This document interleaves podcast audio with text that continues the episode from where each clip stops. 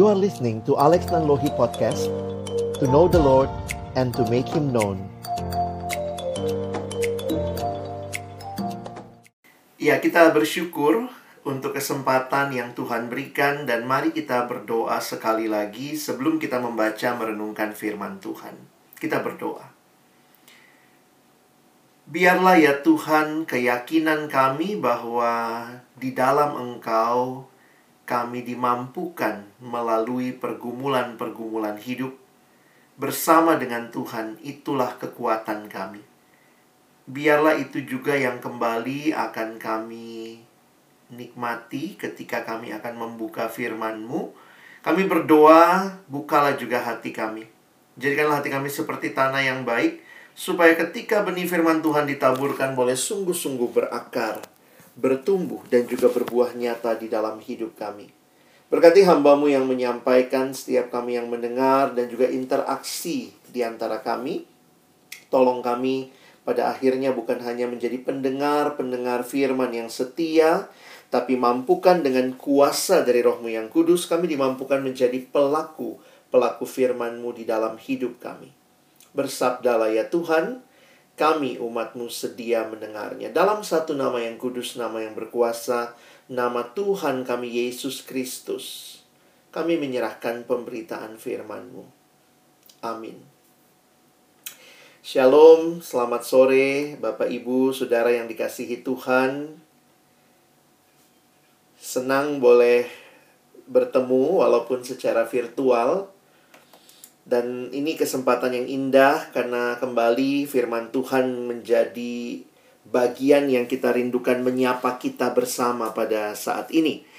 Tema yang diberikan kepada kita Trusting God in Storm of Crisis. Hidup adalah pergumulan yang tidak mudah karena di dalamnya kita diizinkan melewati krisis demi krisis. Saya pikir ketika kita bicara hidup tanpa krisis, saya pikir kita berarti tidak memahami apa itu kehidupan. Karena justru di dalam kehidupan Tuhan yang kita sembah adalah Tuhan yang juga bersama dengan kita melalui krisis yang kita alami. Dan inilah yang saya pikir menjadi penting bagi kita secara khusus ketika kita juga menghadapi pergumulan corona yang bukan hanya masalah kesehatan, tetapi juga di dalam banyak hal kita lihat telah menjadi masalah ekonomi, masalah sosial, masalah pendidikan begitu ya, dan juga masalah di dalam spiritual. Tentu bagi saudara-saudara yang mungkin mengalami sendiri terdampak dengan COVID ini baik secara kesehatan maupun mungkin orang-orang yang kita kasihi atau mungkin juga kita ada yang sampai kehilangan orang-orang yang dikasihi walaupun teman.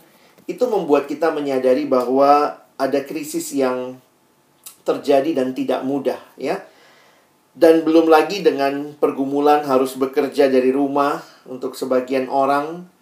Ada yang akhirnya sudah masuk WFO tapi WFO tapi kemudian mesti balik lagi karena PSBB ketat kembali belum lagi anak-anak kita yang juga mengalami harus belajar online study, pembelajaran jarak jauh yang ternyata membuat masalah bukan cuma di tengah-tengah kondisi ini kan orang tua butuh kerja dengan laptop, dengan gadget, anaknya juga begitu. Dan ini semua pasti tidak mudah.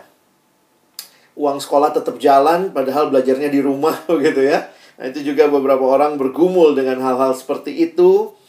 Lalu kemudian ya ibadah-ibadah online juga yang harus kita lalui dan termasuk juga sore hari ini waktu kita berkumpul bersama. Tapi yang menarik yang saya lihat adalah kehadiran Tuhan yang nyata dalam krisis yang kita hadapi. Saya pikir ketika kita masih bisa berkumpul seperti ini, kita bisa saling mendoakan, saling menguatkan dan mendengar firman. Ini menjadi cara Tuhan yang indah untuk membangun kita semua. Firman Tuhan yang akan kita renungkan secara khusus saya ambil sore hari ini dari Markus pasal yang keempat ayat 35 sampai ayat yang ke-41. Mari kita ikuti pembahasannya melalui apa yang saya sudah tulis semuanya di screen. Jadi nanti Bapak Ibu Saudara bisa coba mengikutinya. Ini adalah sebuah bagian yang menarik kalau kita perhatikan bagaimana Tuhan Yesus bersama dengan murid-muridnya ya. Pada waktu itu, pada hari itu, waktu hari sudah petang, Yesus berkata kepada mereka, kepada murid-muridnya, "Marilah kita bertolak ke seberang." Ayat berikutnya menunjukkan kepada kita bahwa mereka meninggalkan orang banyak itu lalu bertolak dan membawa Yesus beserta dengan mereka dalam perahu di mana Yesus telah duduk dan perahu-perahu lain juga menyertai dia. Nah, mungkin yang menarik buat kita kenapa Yesus di perahu ya? Nah, waktu itu juga Yesus mengajar dari dari perahu dan salah satu cara menghindari orang banyak kalau mereka mau beristirahat itu dengan perahu mereka bertolak begitu ya. Nah, perahu yang digali dalam penggalian arkeologis di Palestina waktu itu jangan kita pikir juga perahunya yang biasa aja ya, tapi kira eh, kira-kira seperti ini ya, perahu layar pada waktu itu dalam penggalian arkeologis ditemukan kira-kira panjangnya 8,1 meter, lalu kemudian uh, lebarnya 2,3 meter dan tingginya kira-kira 1,4 meter. Jadi itu dituliskan bisa menampung 15 orang laki-laki dewasa. Jadi ini bukan perahu yang kecil-kecil amat, tapi juga juga bukan kapal yang sangat besar. Nah, apa yang dituliskan kemudian, ini ada satu fenomena alam yang terjadi. Lalu mengamuklah taufan yang sangat dahsyat, dan ombak menyembur masuk ke dalam perahu sehingga perahu itu mulai penuh dengan air secara arkeologis atau maaf, secara geografis ya bahwa ternyata letak Danau Galilea yang ada di bawah permukaan laut ya, itu membuat memang tekanan angin itu sangat biasa menyebabkan taufan. Ya, jadi kalau Bapak Ibu melihat kondisi geografis uh, Danau Galilea, tempat di mana peristiwa ini terjadi, jadi ini bukan kali pertama pasti buat mereka waktu itu mengalami taufan badai karena sering kali terjadi di danau Galilea seperti itu. Nah, mari lihat apa yang diteruskan dalam bacaan kita. Pada waktu itu Yesus sedang tidur di buritan di sebuah tilam. Maka murid-muridnya membangunkan dia dan berkata kepadanya, "Guru, engkau tidak peduli kalau kita binasa?" Wah, ini menarik untuk kita perhatikan ya. Apa yang mereka sampaikan pada Yesus dalam terjemahan yang lain, terjemahan sederhana Indonesia, uh, saat itu Yesus sedang tidur di bagian belakang perahu. Itulah buritan tadi ya, dengan kepala di atas bantal. Lalu murid-muridnya membangunkan dia dan berkata, "Guru, kenapa engkau tidak peduli? Sebentar lagi kita akan tenggelam dan binasa." Bapak Ibu Saudara yang dikasihi Tuhan, bagi saya ini menarik sebenarnya ketika dicatat seperti ini. Jangan lupa, murid-murid Yesus adalah nelayan. Mereka nelayan di mana? Di Danau Galilea. Jadi, seperti penjelasan geografis tadi, Danau Galilea sering mengalami taufan. Bukan kali pertama pasti mereka sebagai nelayan mengalami taufan badai. Tapi apa yang menarik? Nampaknya taufan kali ini lebih dahsyat. Bayangkan kalau nelayan yang sehari-hari kerjanya di Danau Galilea bisa begitu rupa ketakutan, berarti itu pasti badai taufan yang tidak biasanya atau yang luar biasa. Nah, mari lihat apa yang terjadi kemudian. Yesus pun bangun menghardik angin itu dan berkata kepada danau itu, "Diam, tenanglah." Lalu angin itu reda dan danau itu menjadi teduh sekali. Lalu ia berkata kepada mereka, "Mengapa kamu begitu takut? Mengapa kamu tidak percaya?" Mereka menjadi sangat takut dan berkata seorang kepada yang lain, "Siapa gerangan orang ini sehingga angin dan danau pun taat kepadanya. Bapak Ibu Saudara yang dikasihi Tuhan, apa yang kita baca dan baru saja kita coba lihat kembali dalam imajinasi kita terhadap peristiwa yang terjadi di Danau Galilea ini, ini merupakan satu peristiwa yang dicatat di beberapa Injil ya, bagaimana murid-murid uh, mengalami ketakutan itu. Dan saya coba refleksikan ya, karena waktu kita terbatas, saya coba ambil refleksi langsung dalam konteks kehidupan kita yang tentunya juga pasti setiap kondisi itu ada kemungkinan krisis yang terjadi. Ini kalau kita lihat konteksnya kan, ini nelayan hidupnya di danau. Biasanya mereka harus menangkap ikan dari situ dan kali ini mereka mengalami krisis. Ada storm, ada badai di danau itu. Nah, dalam hidup sehari-hari bisa di pekerjaan, bisa bisa di pergumulan hidup keluarga, kita pun mengalami krisis demi krisis. Dan saya pikir uh, kita tentunya mau hidup tanpa krisis, tapi sayangnya nggak ada hidup seperti itu kita ada dalam dunia yang sudah jatuh ke dalam dosa sehingga kita harus memahami bahwa krisis menjadi bagian dari kehidupan kita. Nah, ini yang mau sama-sama saya ajak kita pikirkan pada saat ini. Saya mencoba merefleksikan langsung seperti ini. Apa yang sering kali dirasakan ketika mengalami krisis dalam kehidupan? Nah, ini respon spontan dan sangat wajar yang biasanya terjadi. Nah, ada dua hal yang saya ingin angkat bagi kita saat ini. Yang pertama, perhatikan dalam pertanyaan Yesus, uh, pertanyaan murid kepada Yesus, ya. Ini pertama pertanyaan murid kepada Yesus, lalu yang kedua nanti kita refleksikan pertanyaan Yesus kepada murid, ya. Perhatikan ayat 38, pertanyaan Yesus kepada murid-murid, uh, murid kepada Yesus ya. Yesus tidur, lalu kemudian dibilang, "Guru, engkau tidak peduli kalau kita binasa? Sebenarnya apa sih yang ter, tersirat di dalam kalimat ini? Ini kalimat kita yang biasanya juga dalam kondisi krisis. Langsung yang terjadi biasanya ini nih. Kita mulai meragukan kasih Allah. Tuhan peduli nggak sih sama hidupku? Kalau betul dia peduli sama hidupku, kenapa saya mengalami seperti ini? Dan kalau uh, Bapak Ibu perhatikan, ini yang terjadi di dalam konteks ini ya. Di dalam konteks yang mereka sedang alami, ini yang terjadi. Mereka meragukan kasih Allah. Pak Edi bisa tolong uh, slide saya. Jadi kalau Bapak Ibu perhatikan meragukan kasih Allah menjadi pergumulan kehidupan kita biasanya di dalam krisis. Ketika mengalami krisis yang muncul adalah kita meragukan kasih Allah. Banyak kali kita berpikir, kalau Allah mengasihi kita, harusnya tidak ada hal buruk yang terjadi pada hidup kita. Itu cara berpikir yang sangat wajar. Tetapi mungkin kita perlu naik kelas dalam iman kita ya. Apakah kita cuman menjadi orang yang percaya ketika hal-hal yang baik saja terjadi dalam hidup kita? Nah, ini yang perlu sama-sama kita pikirkan, kita renungkan di dalam pergumulan kita. Bisa lagi next, Pak? Next lagi. Next lagi. Kita sudah sampai di sini tadi ya. Oke. Sekarang yang kedua. Ini adalah pertanyaan Yesus kepada para murid. Lalu Yesus berkata kepada mereka, "Mengapa kamu begitu takut? Mengapa kamu tidak percaya?" Jadi ini sebenarnya gabungan yang kalau saya tulis di sini, ya ini yang sering kali kita alami dalam pergumulan dalam krisis kita takut jujur aja pandemi ini pasti menakutkan buat sebagian besar orang. Mungkin ada yang merasa tidak takut atau ada yang bahkan tidak percaya ada virus corona ini.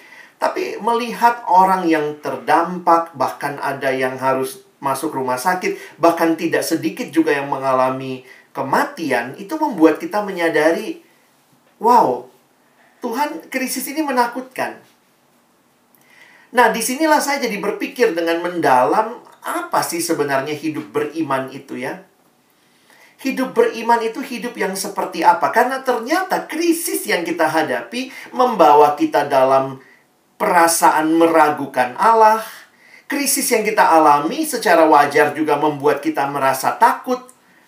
Dan bagaimana kaitannya dengan tema kita hari ini?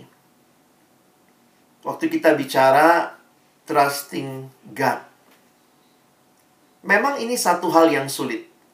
Kenapa saya bilang sulit? Karena apa? Karena katanya kita orang Kristen disebut orang percaya. Tapi hal yang paling sulit sebenarnya buat kita adalah percaya itu. Kita percaya nggak bahwa memang Tuhan hadir dan kehadirannya di tengah badai sering kali mungkin tidak membuat badainya berhenti. Ada kalanya seperti yang terjadi, Tuhan menghentikan badainya. Tetapi di banyak kesempatan juga kita melihat bahwa tidak semua orang yang sakit Tuhan sembuhkan, tidak semua orang yang mengalami kedukaan tidak akan terjadi kematian itu satu realita kehidupan semua orang akan mati. Dan ini membuat kita jadi sadar sebenarnya hidup beriman itu apa? Hidup percaya itu apa? Next. Saya akhirnya melihat bahwa hidup ini adalah sebuah perjalanan bersama Yesus dan perjalanan bersama Yesus ini adalah perjalanan yang harusnya kita makin kenal siapa Tuhan Yesus dalam hidup kita. Jadi kalau Bapak Ibu Saudara melihat hidup beriman itu hidup yang bagaimana? Bagi saya adalah hidup yang tetap percaya pada Yesus di tengah-tengah pergumulan hidup yang paling sulit sekalipun. Next. Ada kutipan seperti ini ya. You can trust God to write your story. Kalau hidup kita adalah karunia Allah, dan Allah sedang menuliskan kisah hidup kita, maka kita harusnya bisa belajar percaya kepada Tuhan. Apa artinya percaya? Percaya itu adalah berkata, "Saya yakin Tuhan sanggup." Dan Dia sanggup bukan berarti Dia selamanya melakukan apa yang kita mau. Tuhan sanggup belum tentu apa yang kita mau yang terjadi. Seringkali orang mengatakan hidup beriman kepada apa yang saya mau. Hidup beriman sesungguhnya adalah belajar percaya apa yang Tuhan mau, dan itulah yang kita lewati dalam hari-hari pergumulan kita. Ketika melihat cerita ini, next, saya melihat paling tidak, next lagi, murid-murid setelah peristiwa ini terjadi, harusnya mereka ber, meyakini bahwa Yesus itu lebih berkuasa dari alam. Dan itu yang kita lihat dalam cerita ini. Jadi pergumulan hidup harusnya yang kita alami menolong kita bertanya begini. Bukan mengapa Tuhan. Jadi uh, pertanyaan tadi, pertanyaan meragukan kasih setia Tuhan, pertanyaan-pertanyaan tentang ketakutan pribadi, harusnya kita ganti dengan pertanyaan Tuhan, apa yang engkau rindukan aku pelajari setelah melewati pergumulan ini? Atau mungkin bahasa yang lebih sederhana, setelah melalui krisis-krisis kehidupan, siapa Yesus yang saudara percaya? Apakah saudara percaya dia Yesus yang berkuasa atas alam? Kalau nanti Bapak Ibu Saudara melanjutkan Markus 5, coba lihat next slide. Di Markus pasal yang kelima ayat 1 sampai 20, Bapak Ibu nanti bisa melihat bagaimana Yesus berhadapan dengan seorang yang dirasuk setan. Saya membayangkan murid-murid ikut Yesus ya. Ketemu orang ini lalu Yesus mengusir setannya. Setelah peristiwa itu, siapa Yesus yang mereka percaya? Wow, dia bukan hanya bisa berkuasa atas alam ketika peristiwa angin ribut, dia bukan hanya berkuasa atas alam tapi juga atas setan. Next lagi, kita lihat di Markus pasal 5 ayat 25 perempuan yang sakit pendarahan 12 tahun. Kalau Bapak Ibu jadi murid yang ikut sama Yesus waktu itu dan lihat perempuan itu, Tuhan panggil maju, siapa yang menyentuh aku dan siapa yang mengalami kesembuhan? Apa yang kita yakini? Apa yang kita makin percayai? Yesus berkuasa atas penyakit. Dan next lagi yang terakhir, Nah, kalau Bapak Ibu perhatikan di Markus pasal 5 ayat 21 dan 35 sampai 43, bagaimana Yesus membangkitkan anak dari kepala uh, pasukan itu begitu ya. Jadi akhirnya kita melihat begini, kalau kita mengalami krisis, maka marilah kita belajar tetap percaya kepada Tuhan dan bertanya, Tuhan, setelah saya melalui ini, siapakah Engkau yang aku percayai? Karena ini akan jadi penting buat kita dalam kehidupan beriman kita. Karena apa? Krisis akan senantiasa ada di dalam hidup. Dan menyadari ada krisis dan menyadari ada Kristus yang hadir dalam krisis itu. Harusnya membawa kita makin percaya. Tuhan kalau mau hentikan COVID itu bisa dia hentikan hari ini juga, jam ini, detik ini juga Tuhan bisa. Dia berkuasa. Tetapi ketika itu terjadi dan tetap Tuhan izinkan, apakah kita tetap percaya dia Tuhan yang berkuasa? Nah ini di sinilah iman kita yang sering kali melampaui realita yang kita hadapi. Next.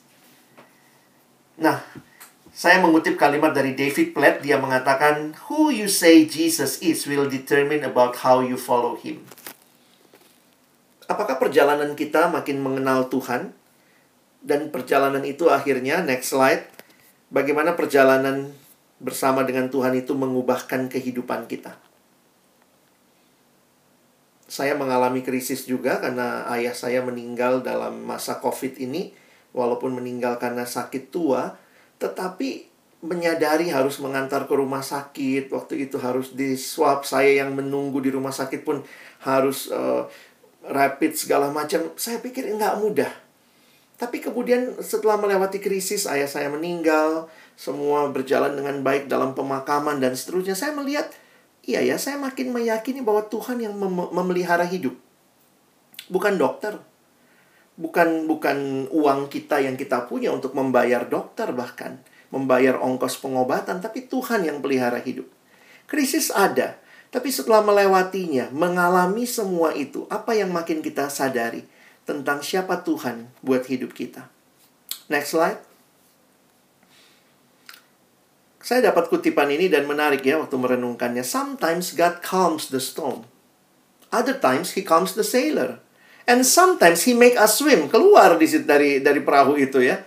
Saya pikir hidup beriman itu dinamis, nggak ada teorinya. Kalau ini dialami oleh satu orang, maka orang lain akan mengalami hal yang sama, belum tentu. Itulah pergumulan kita dengan Tuhan, dinamika iman kita dengan Tuhan. Tapi satu hal biar kita percaya ya, next slide sebagai yang terakhir. Oh, ada dua lagi ya. God is too good to be unkind. He is too wise to be mistaken. And when we cannot trace his hand, we must trust his heart. Sama seperti seorang anak yang tidak bisa sepenuhnya mengerti apa yang orang tuanya lakukan. Mari belajar percayalah sama orang tua kita ya, bahwa yang mereka lakukan itu yang baik, kira-kira begitu ya. Berarti belajar percaya sama Tuhan. Next slide. Jadi refleksi kita, next lagi.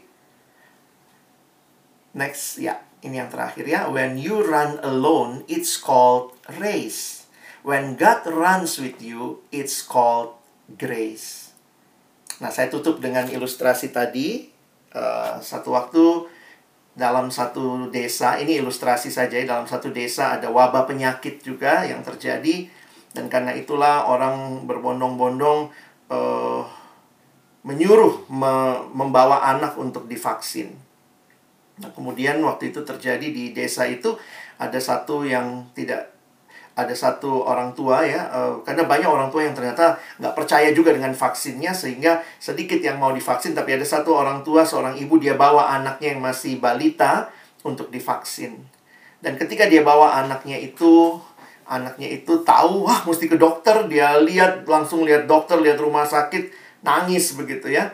Tapi ibunya gendong anak itu dan sampai di dokter, ibunya oper anaknya ke perawat, lalu perawatnya pegang anak itu, lalu dokter datang dengan jarum suntik yang besar. Dan anak itu dalam keterbatasan pengertiannya, dia lihat kepada dokter, dia lihat kepada perawat, dia nangis. Dan anak itu bilang dalam hatinya, mamaku jahat karena dia lihat mamanya cuma nonton di sebelah sambil sel, apa foto-fotoin, mamanya ketawa-ketawa. Masa saya mau disuntik begini mama cuma ketawa-ketawa? Jadi anak itu nangis dan dia lihat mamanya tertawa. Setelah jarum suntik itu masuk, selesai divaksin, lalu kemudian dibalikin lagi anaknya ke mamanya, anaknya malingkan muka, marah sama mamanya. Mama gue jahat, Begitu sakit jarum itu masuk dan segala macam. Dan tambah sakit hati lagi waktu pulang dia lihat mamanya ketawa-ketawa sama dokter, ketawa-ketawa sama perawat, eh bahkan kasih duit lagi sama dokternya begitu ya. Tambah kesel lah anak yang kecil ini ya. Tapi waktu berlalu, dia masih kesel sama mamanya. Tapi ketika akhirnya dia bertumbuh besar, dia termasuk salah satu balita yang survive di dalam situasi itu karena vaksin yang dia terima. Setelah dia makin dewasa, dia pun akhirnya sadar bahwa apa yang mamanya izinkan dia lalui sakit, sakit, tidak enak. Tapi itu adalah cara yang terbaik untuk melindungi anak ini. Sometimes kita kayak anak kecil ini. Waktu krisis terjadi kita seperti murid-murid di perahu. Tuhan gak peduli nih sama saya. Tuhan gak peduli sama hidupku. Kayaknya Tuhan gak baik deh sama saya. Tapi mari lihat. Bukan dengan cara pandang kita. Kadang-kadang kita harus berkata, Tuhan saya nggak tahu kenapa ini terjadi. I don't know. But the one and only thing I trust that you will always good. God is too good to be mistaken. God is too wise to be unkind. So when you cannot trace His hand, trust God's heart that He will always kind to you. Amin. Yang sudah kami renungkan menyegarkan kami dalam situasi krisis yang sedang kami alami, atau mungkin yang akan kami alami, dan seumur hidup perjalanan iman kami, Tuhan izinkan kami lalui. Terima kasih karena Engkau menghibur kami. Engkau meneguhkan kami bahwa Engkau tidak pernah meninggalkan kami. Di dalam badai hidup yang terbesar, sering kali kami berkata, "Tuhan, hentikan badai ini." Tapi Tuhan mau kami belajar melihat bahwa Engkau ada bersama kami di dalam badai kehidupan, dan itulah yang memberikan ketenangan kepada kami. Terima kasih, Tuhan. Kami mau belajar percaya, karena kami tidak tahu apa maksud semua ini, tapi satu hal yang kami percaya: Engkau hadir dan Engkau baik bagi hidup kami. Kami bersyukur dalam nama Yesus. Amin.